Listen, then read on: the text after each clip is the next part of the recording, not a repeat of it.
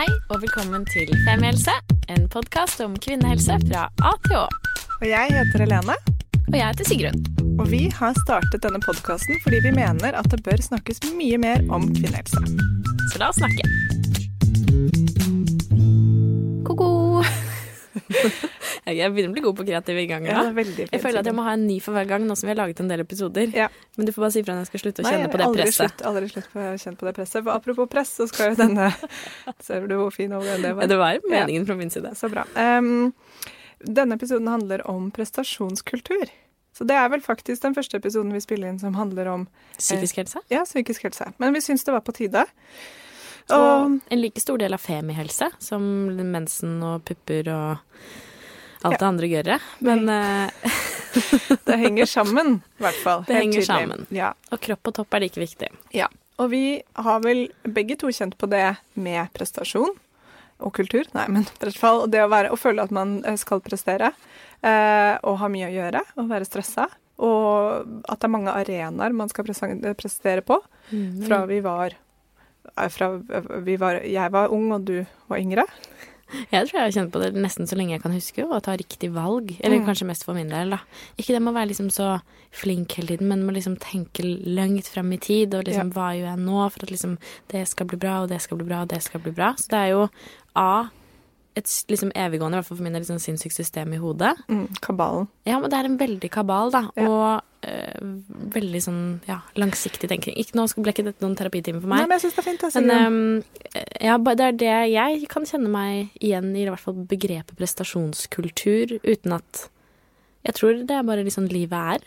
Hva kjenner For du da? Når du...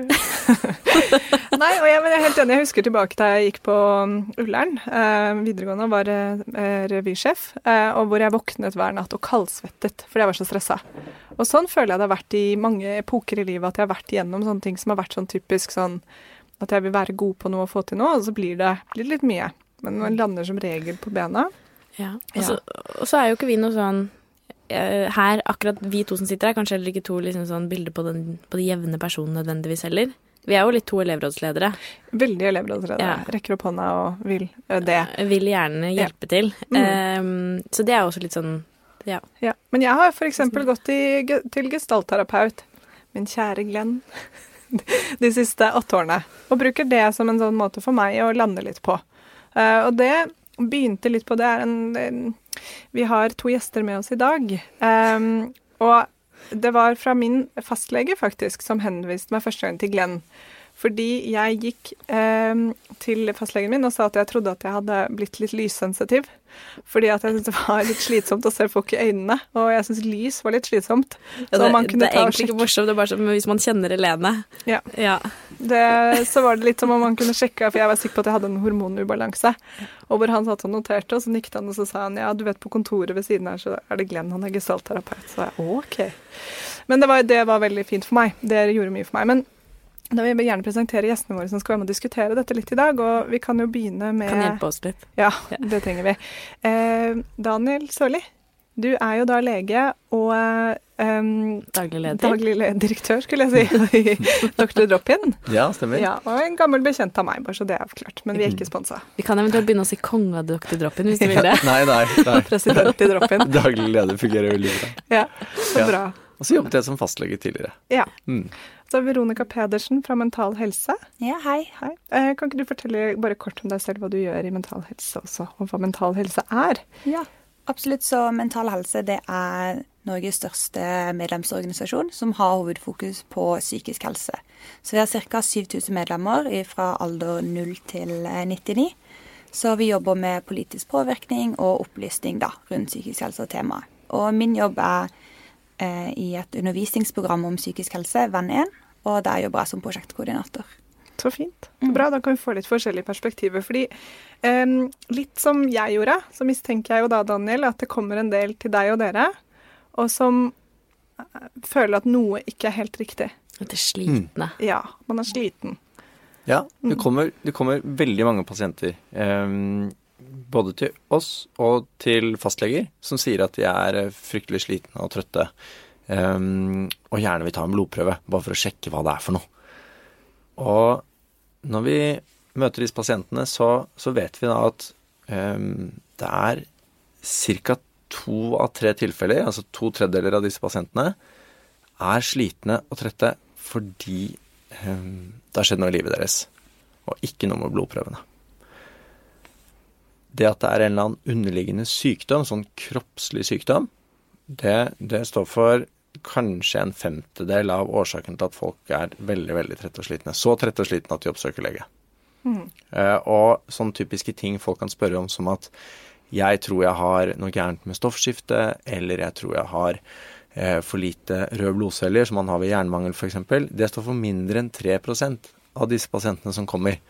Så Derfor tror jeg det er veldig bra at dere tar opp dette temaet, at vi snakker om det. fordi oftest så handler det ikke om at man har litt lite av noen vitaminer eller jern, men det handler om andre ting i livet.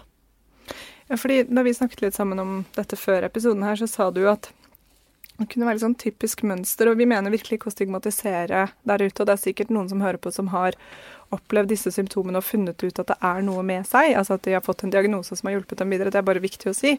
Men det er også viktig å si at ting som skjer i livet, selvfølgelig også kan påvirke hvordan du føler deg fysisk.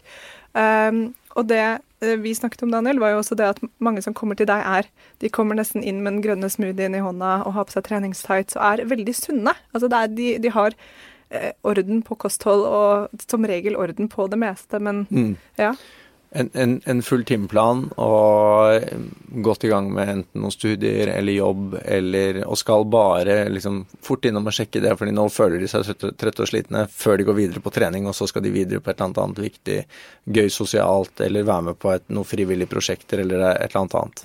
Mm.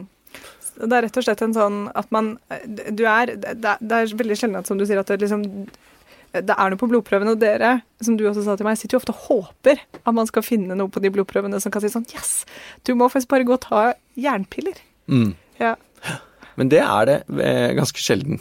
Mm. Um, så da gjelder det å prøve å uh, Da må man snakke med pasienten og så høre hva det er som foregår i livet deres, om det noe om det har vært noen tøffe påkjenninger i det siste, um, livskriser, eller om det bare er litt sånn det totale mengden av ting man prøver å få til hele tiden i denne ja, prestasjonskultur, var vel et ord dere brukte her eh, før, eh, som jeg tror er, er veldig relevant. Mm. Hva tenker du om det, Veronica? Høres dette kjent ut? Er det symptomer som eh, deres medlemmer eller medlems som kan kjenne seg igjen i? Mm, absolutt. Og jeg mener jo at det, det, ligger jo en veldig sånn stor eh, forventning nå eh, for ungdommen om at de skal være best. Og hvis vi bare tenker tilbake for 20-25 år siden, så var det du hadde en i klassen som var god i fotball, du hadde en i klassen som var god på skolen, du hadde en i klassen som var eh, involvert i frivillig arbeid. Nå er det jo sånn at alle ungdom skal være gode på skolen. Alle skal drive med idrett på høyt nivå. Alle har en Eh, altså de skal være best på sosiale medier. Det er alle disse arenaene hvor man hele tiden må prestere, og det er en forventning om at man må gjøre det veldig, veldig bra. Og det ser vi veldig mye blant våre medlemmer, at de sliter litt med at det blir for mange arenaer å skal være god på. Og da kan man kjenne på disse symptomene eh, på stress. Og det er jo så utrolig viktig at eh, selv om stress er noe som kommer fra psyken, så vil jo disse symptomene vise seg på kroppen. Hvis man er forkjøla, så kjenner man renner i nese, man blir tett i halsen, disse tingene. Og det er det samme med stress. Man eh, kan kjenne det, man får gå rundt med hodepine, vondt i ryggen, eh, man kan ha hjerteklapp, søvnmangel, alle disse tingene, da. Dårlig i magen. Det er bare å ligge til. Og uregelmessig syklus. Mm. Det er mye som kan skje, da. Mm. Dårlig matlyst. Ja. Mm. Og det er sånn det er alltid den evige diskusjonen da, som blir litt sånn høna eller egget. Fordi det er ikke så veldig gøy å gå til legen og få beskjed om at det er noe psykisk, når du føler at det er veldig fysisk. Mm. Jeg husker selv at jeg gikk til i retrospekt, jeg gikk til fastlegen min og klaget over at jeg hadde en, en klump i halsen. Og jeg, da gikk jeg på p-piller, så det kjentes veldig ut som at det var en p-pille som hadde satt seg fast evig i halsen min. Og jeg var livredd for at det var en svulst. Jeg greide ikke å svelge den ned for alt i verden. Og så kom jeg til fastlegen min, og så sa han ja, men jeg skal sende deg videre til en gammel kompis av meg, Bogstadveien, øre, nese, hals, eller hvor det var. Og jeg bare ah, OK. Og så kommer jeg der, og så er det da en som har liksom Jo, og så sier fastlegen min jeg skriver på henvisningen her at du ikke har angstproblemer. Fordi eh, vi gamle gutta, som han sa selv, vi har et sånt eh, uttrykk som vi kaller globus hystericus. Som er den følelsen av en sånn klump i halsen som du ikke greier å svelge, men som er psykisk. Og så kommer jeg ned til han ørene halseksperten, og så sier han ja, dette er nok lobus hystericus. og så ble jeg sånn Hei, jeg veit hva dette er, nå mener du at jeg er gæren. Det er jeg ikke. Men det var sant. Så han skjønte det. ikke sant? Han tittet ned, jeg drakk kontrastvæske eller hva jeg holdt på med. Det var virkelig en grundig undersøkelse. Det var ikke noe galt i halsen min, men det var rett og slett et symptom på angst. At jeg veldig ofte fikk den knyt, altså det er en sånn knute i halsen som gjorde det var ubeha ja, ubehagelig å svelge. Mm. Og da fikk jeg Men det som var fint da, var bare sånn det jeg fikk da, var noen helt konkrete øvelser fra han. En, han det, er ikke så lett å kanskje si stressende, men han ga meg en sånn tøyeøvelse på drøvelen. Å sitte og tøye den og rett og slett løse den litt opp, da. Fordi det kan dere kanskje være enige også, at når det først setter seg, selv om det er psykisk, så setter det seg jo fysisk. Det ble mm. jo en knute. Ja, veldig. Men jeg syns det er veldig bra du tar det opp, Helene. For tenk hvis alle unge kvinner og menn som gikk med en liten klump i halsen, skulle gått gjennom det samme undersøkelsesregimet med kontrastvæske og alt mulig annet, ja, for å liksom ende opp med det rådet at vet Det er globus hystericus. Ja, jeg tror dette her handler om at uh, du har en vond uh, klump i halsen, for det er litt mye nå. Mm. Um, og, det er, og, det er, veldig fint at man, at man tar opp og tør å snakke om det. Ja, og det er vi, altså, jeg, jeg, jeg, Ja, og det er sikkert noe dere også får, at det får jo fysiske utslag. Mm. Men Veronica, føler du at eh, For jeg kan også kjenne meg veldig igjen i at det kan være litt sånn dølt å gå til legen sin og si Eller med symptomer som man ikke vet om egentlig er fysiske eller psykiske. Føler du at det kan være lettere å gå til dere i Mental Helse? Mm, absolutt. Jeg tror jo at det, det, er jo sånn at hvis man er, kjenner seg syk eller det er noe som er galt, så går man jo ofte til legen. ikke sant? Det er jo på en måte første instans hvor man drar. Men eh, vi opplever jo det at eh, når eh, ungdom henvender seg til oss, da, så er det ofte med disse symptomene. Og så Da graver vi litt mer, sier vi. Men hvordan, hvordan, har du det? Er det noe som har foregått? Så kan det vise seg at det kanskje har vært et dødsfall i familien, eller det er en tentamen som kommer opp som man gruer seg til. Litt for å se ikke bare symptomene, men hva som kan være årsaken til det.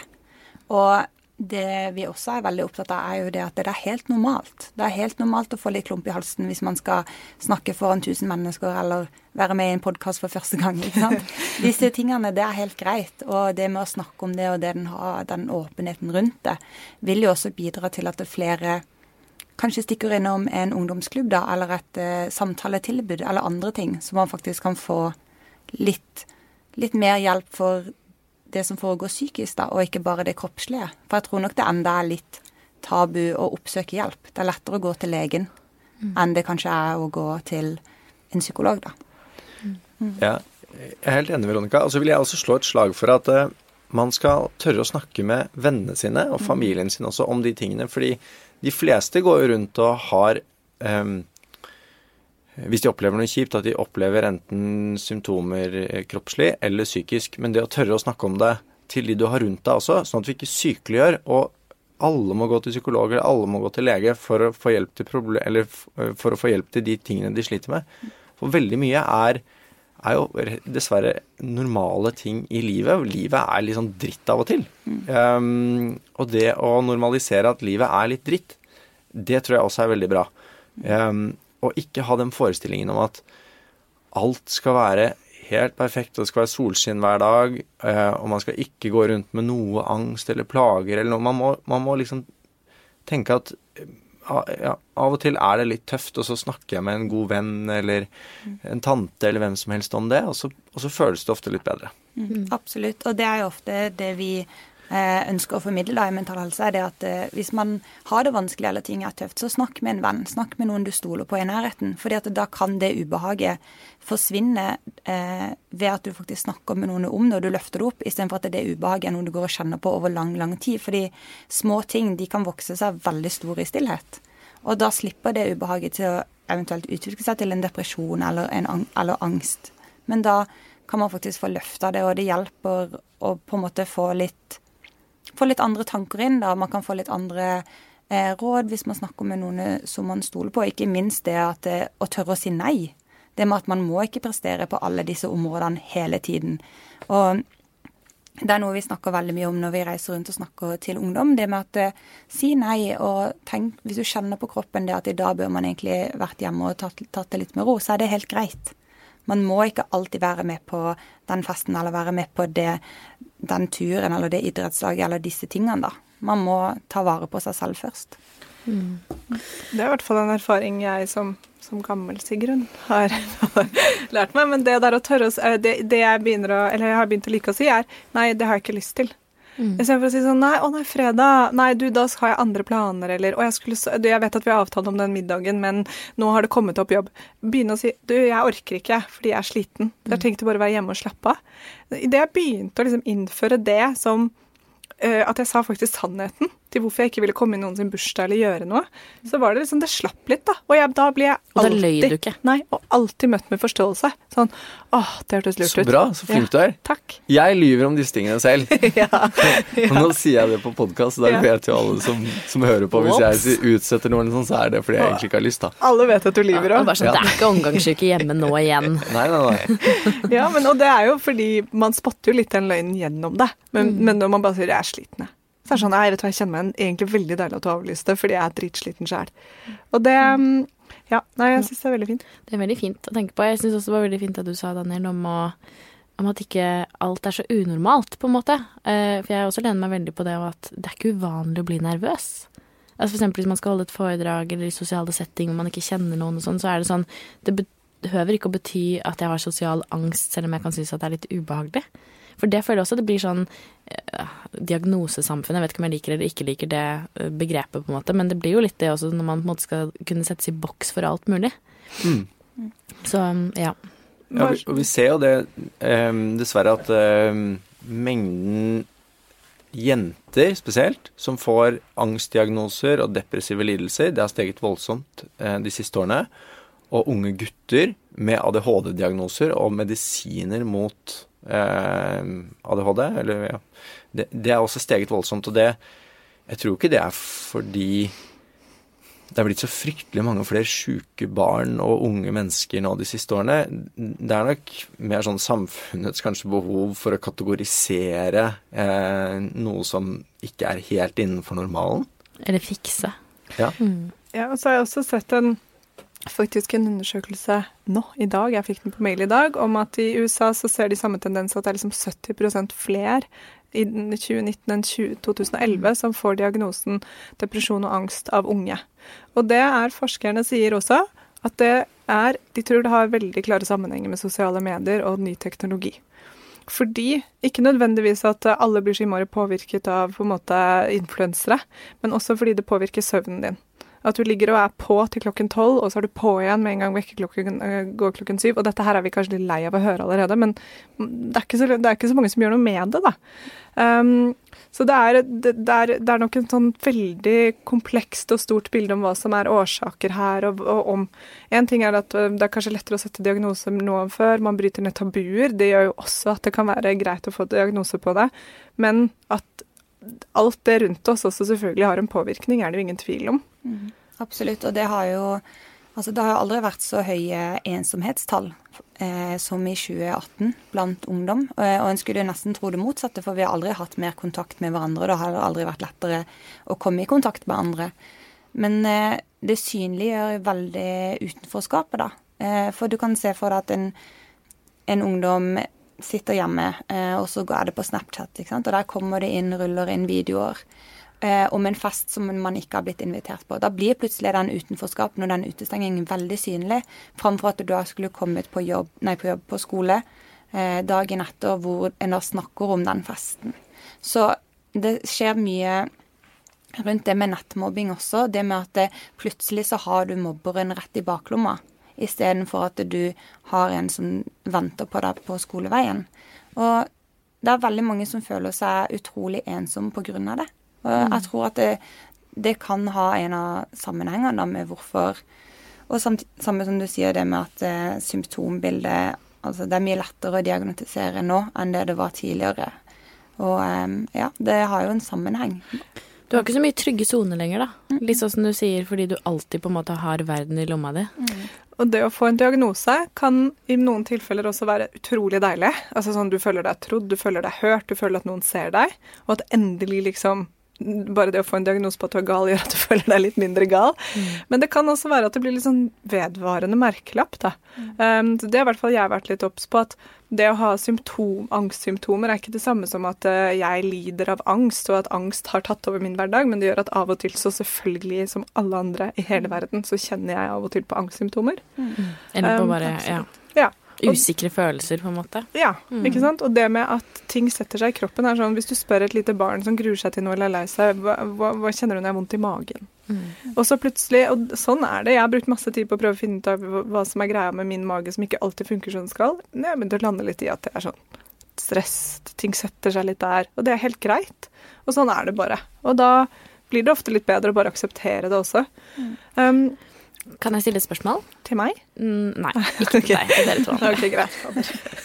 eh, det er fordi nå snakker vi mye om på en måte unge og jenter, men jeg lurer på liksom, er det noen tydelige forskjeller her på altså sånn alder Er det alder og kjønn? Mm. Ja, Veronica, du hadde noen tall, hadde du ikke? Ja, eh, det for det første så er det forskjell mellom bare ungdom og videregående skole også. Eh, men ifølge Ungdata-rapporten som ble gitt ut i fjor, så er det 47% av alle jenter på videregående skole eh, sier det at de opplever mye eller svært mye press. Og da er det relatert til skolearbeid, eh, prestere på sosiale medier og det med å være sosial. Eh, I forhold til hvor det er da 32% av gutter som sier de opplever det samme. Så egentlig på alle disse områdene, det med å være eh, god i idrett, det å være god på skolen, det å ha en fin, eh, altså fin kropp er noe de spør om, og sånn utseendemessig hvordan man føler seg, eh, så er det tre ganger så flere jenter som kjenner på det stresset og det presset enn guttene. Det er ganske signifikant forskjell. Mm. Mm. Men de som kommer til deg, Daniel, er det um, alle aldre, eller er det også da først og fremst liksom unge jenter? Jeg, bare, jeg Nei, kjenner meg jo veldig igjen. Jeg, som, satt som fastlege, så hadde jeg eh, typisk Da kunne det komme barn helt ned i barneskolealder mm. med foreldrene sine.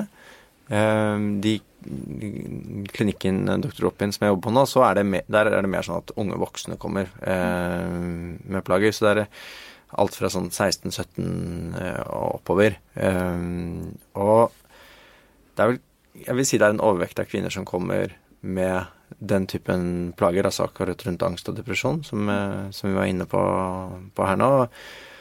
Og de, de, samme dataene, Veronica, som, vi, som du viste til, de, der var det beskrevet at 32 av jenter i tredje gym på videregående sliter med depressive plager.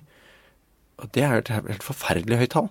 Um, for, gutter, ja, en av tre. for gutter så er det nede i 13% men det er fortsatt alt altfor høyt, det. Men uh, ja, det, det, det, sier nok noe om den uh, verden vi lever i, tenker jeg, og de mm. forventningene som stilles. Og så føler jeg at når det kommer til den forskjellen på gutter eller jenter, dette er bare en tanke og følelse her, at, man, at mange gutter også kan synes at ting kan bli litt tøffere også når de blir litt eldre. Um, at, kan, at, livet kan ta litt igjen. ikke sant? Den følelsen av å skulle mestre studier og jobb og kanskje kjæreste og samboer, og at, at, det kan være sånn forskjellige aldre når ting kan treffe litt. Det er i hvert fall min erfaring. da, For det er helt tydelig at mange gutter også sliter med det, men også kanskje ikke vil innrømme det eller snakke om det. Så der er det kanskje litt forskjell også på på hva man anser som et problem og ikke. Jeg vet ikke. Men når, du, når, disse kommer til deg, Daniel, eller jeg skulle komme til deg, hva ville du sagt da? Hva, skal, hva burde jeg gjøre? Eh, eller hva sier du? Um, nei, man, man, begynner med å høre hvordan det går, og det, uh, hva, liksom, hva, er det som er hovedplagene dine. Um, og hvis det da er at man er sliten, stressa, de tingene, så spør man ofte rundt det, om det er noen spesielle ting som har foregått i livet i det siste, hvordan man har det på studiet eller hjemme, eller med kjæreste eller samboer eller barn, om det har vært noen hendelser. Um, og så blir det naturlig å snakke litt om sånn tidligere psykiske lidelser, om man har vært plaget med depresjon eller angst før.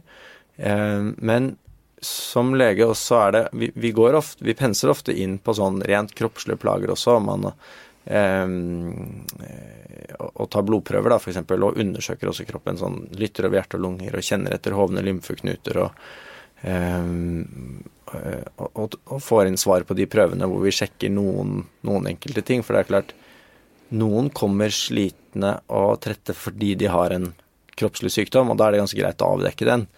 Um, men så er det oftest ikke det, og derfor er det lurt å bruke mest tid på å snakke om de tingene som betyr noe for dette, som er de, de tingene som skjer i livet ditt.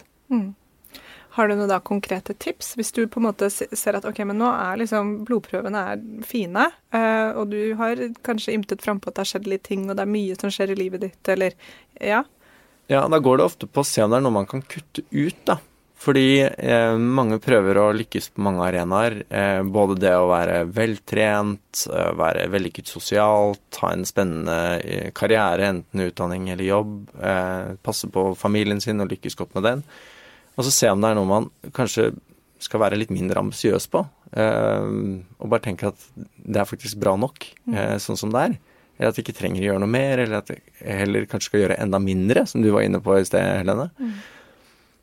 Og så er det ofte eh, greit å komme inn på dette med søvn. Eh, fordi vi vet at eh, voksne mennesker, altså fra alder 16 og helt fram til du er ca. 70, så trenger du mellom 7 til 8 timer søvn hver natt. Og det er jo mye forskning som viser at hodet ikke har noe godt av å sove mye mindre enn det. Og så har vi i løpet av de siste tiårene lagt til oss den vanen at vi ofte har med oss mobiltelefon eller et nettbrett eller noe sånt inn på sengen, og det er basically som å stirre på en lyspære. Og du sovner ikke så innmari godt etter at du har stirret på en lyspære, fordi de skjermene er små lysdioder, og da tar det mye lengre tid før hodet og kroppen klarer å slappe av og falle inn i en god søvn. Så det å ha god, liksom, det vi kaller det for sånn søvnhygiene, da, er sånn legeord på egentlig bare å, å ha en, en, god rytme i livet. Prøve å legge fra seg mobiltelefonen lenge før man skal legge seg, og så heller eh, lese en bok, eller bare snakke med partner, eller kose seg, eller gjøre et eller annet annet. Det er, tror jeg man kan få mye igjen for. Ja, det, høres, det er helt enig. Og det der med, altså, jeg føler det er som en sånn luksus i livet. De kveldene jeg leser bok til jeg sovner. Da føler jeg som at jeg er på hyttetur eller ferie. Når jeg gjør det istedenfor liksom, av en eller annen grunn føle at jeg må være på den telefonen. Um, det er bare så vanskelig. Ja, det er så vanskelig. Ja. ja. Um, ja, Veronica, samsvarer det med dette et tips eller triks dere eh, gir til, mm. til, det du snakker med? Nei, absolutt er veldig enig i det som Daniel sier. Det med å få nok søvn. Eh, og det også med kosthold. Eh, det med å altså, spise sunt og på en måte tilføre kroppen mye næring og, ja, og få nok søvn. Eh, vi oppfordrer også alltid til å snakke med noen. Eh, snakke med en nær venn, et familie. Eh, det å kunne dele det stresset med, med, noen, og bare få snakke om det, det kan gjøre veldig mye. For hvis du sitter med det stresset alene, så kan det føles veldig tungt og veldig stort. Men hvis du deler det stresset med noen, så kan du tenke at da sitter jeg nesten bare i halvparten igjen med det. For da har man delt det med en. Og selvfølgelig, hvis man kjenner på disse symptomene, og at det er mye som gjør, går utover hverdagen. Når det på en måte kommer til et punkt hvor det går utover hverdagslige ting, og du kanskje ikke finner like stor glede i ting, så er det viktig å ta kontakt med enten om det er på nettjeneste, f.eks. Side med ord til mental helse, eller det er et samtaletilbud, bruk Spesielt for elever så pleier vi å oppfordre til å snakke med helsesykepleiere, sosialrådgivere, sånne ting. Eh, ja Mm. Snakke med noen, og det at det er helt OK å ikke få med seg alt. Og selv om man kanskje ikke gjorde det like bra på en prøve som en skulle ønske, eller en ikke fikk eh, sjekka innom eh, sosiale medier sju ganger før i kvelden, så er det helt OK. Man må senke skuldrene litt, da. Og eh, det er helt normalt å være litt stressa. Ja. Ja, det, høres veldig fint ut. Og eh, tips fra en snart 34-åring kvinne, meg, er det da det gikk opp for meg liksom det med at også andre syns at jeg er bra nok. Da jeg var så stressa rett etter jul her og skulle selge leiligheter, og ordne og fikse, og det var veldig mye med femihils og ting skjedde, så var det kjæresten min som greide å liksom løse litt opp i den floken hvor han bare så på meg bare Men jeg har det veldig fint i dette forholdet. Jeg er veldig fornøyd med deg og alt du er og alt du gjør. Du er jo så flink. Alle andre rundt deg syns at du presterer helt sinnssykt bra akkurat nå. Og da var jeg sånn Å, shit, det er sant, det. For jeg følte at oppi alt dette så var jeg ikke god nok kjæreste, ikke god nok venn, ikke god nok datter. Jeg fikk ikke tildelt nok på jobben. Jeg, var, jeg, jeg, følte ikke at jeg strakk til noe sted, men når han sa det, og jeg greide å se meg selv utenfra i et halvt sekund, så var jeg sånn Ja, OK, dette er bra. Ja, jeg er bra nok. Og det blir Det å lære seg at, å se at de rundt deg også er, er selvfølgelig liksom fornøyd med deg, og at det du gjør som mor eller datter eller kjæreste eller venn, er Det er helt strålende at du bare er der og er til stede. At det er greit. Ja, det er Ja. greit. Og ikke alltid også være på topp, da. Mm. Det gjorde altfor mye for meg akkurat da. Det, det er veldig klokt. Jeg tror jeg Det forventes en refleksjon fra meg. Og, Nei, her, nei, nei. Jo, bare, og der er vi forskjellige også, for jeg tenker nok kanskje ikke så mye på hva eh, Eller jeg tror jeg bare er litt trygg, da, eh, i min egen opptatthet, kanskje. På den måten at eh, jeg vet at jeg er til stede på mange arenaer, sånn til vanlig. Og hvis jeg ikke er det akkurat nå, så går det bra. eh, uten at jeg blir nervøs. Men, ehm, det, men det er også noe sånn Jeg vet at jeg er ung, og du er jo flink til å påpeke det, Lene. Men, men det har også vært en sånn læreting fra meg også, nettopp for å ikke bli så veldig stresset. Og ja, at jeg har lært meg å tenke sånn at alle andre tenker stort sett bare på seg sjæl. Eh, og ikke reflekterer så veldig mye over hvordan jeg, jeg Hvor mye jeg prater, eller liksom hvor Om jeg egentlig var på den festen. De som var der, kommer nok trolig ikke til å Jeg vet ikke. Tenke at det var veldig teit at jeg ikke var der. Men så er det jo også en sånn eh, et, en, når, Fordi det det også handler om Jeg som som jeg syns podkasten til Harald Eia og Hanna ikke husker hva heter, men mm. eh, slik er du, eller sånn er du, Ja. hvor du ser at det er så utrolig også forskjellige personlighetstyper. Altså hva slags, om du slår ut på nevroser eller ikke, om hva, hva slags type er du egentlig, da. Så jeg elsker å høre på den. Hvis jeg er liksom fyllesyk, så elsker jeg å høre på den episoden med Anne B. Ragde, Ja. som bare gir fullstendig Altså, faen i alt. Hvis de ikke har gjort det. Altså sånn null angst. Hun slår ikke ut engang. Det er minus på angstskalaen. Så deilig å høre på. Men så hører du liksom på Knausgård og sånn som er sånn aspeløv, ikke sant. Og alt går inn på dem. Alt blir tatt inn. De har liksom sensorene vidåpne på alt. Og det er også noe med å akseptere også at OK, vet du hva, men vi er forskjellige, da. Altså, det blir veldig tydelig bare når vi to sitter og snakker her. Ja, ja. Men noen, jeg syns jo det er noe fint i det, da. Nettopp at vi er to her dønn forskjellige mennesker, og så finnes det ti typer til. Mm, Ja, ikke sant. Masse av det. Men at alle kan fortsatt kjenne på de tingene vi har snakket om i dag, bare på forskjellige måter. Mm, Ja. Ja. Så bra. bra. Har dere noe eh, eh, avsluttende dere vil si, eller føler vi at vi har gått en god runde på temaet? Mm, jeg, jeg, jeg vil bare føye til til slutt at um, på sosiale medier så legger folk stort sett ut alle solskinnshistoriene. De legger ut hver gang de gjør et eller annet spennende eller spektakulært. Mens livet er mest fiskeboller, altså. Og liksom Det er fakta. Ja. Og grå himmel. Ja. Men det er jo noe fint i det òg. Det er mye hverdag. Ja. Jeg er helt enig. Det var en god avslutning. Ja. Vi kan trykke det også på en T-skjorte. Livet Livet er stort sett fiskeboller. Ja. Ja.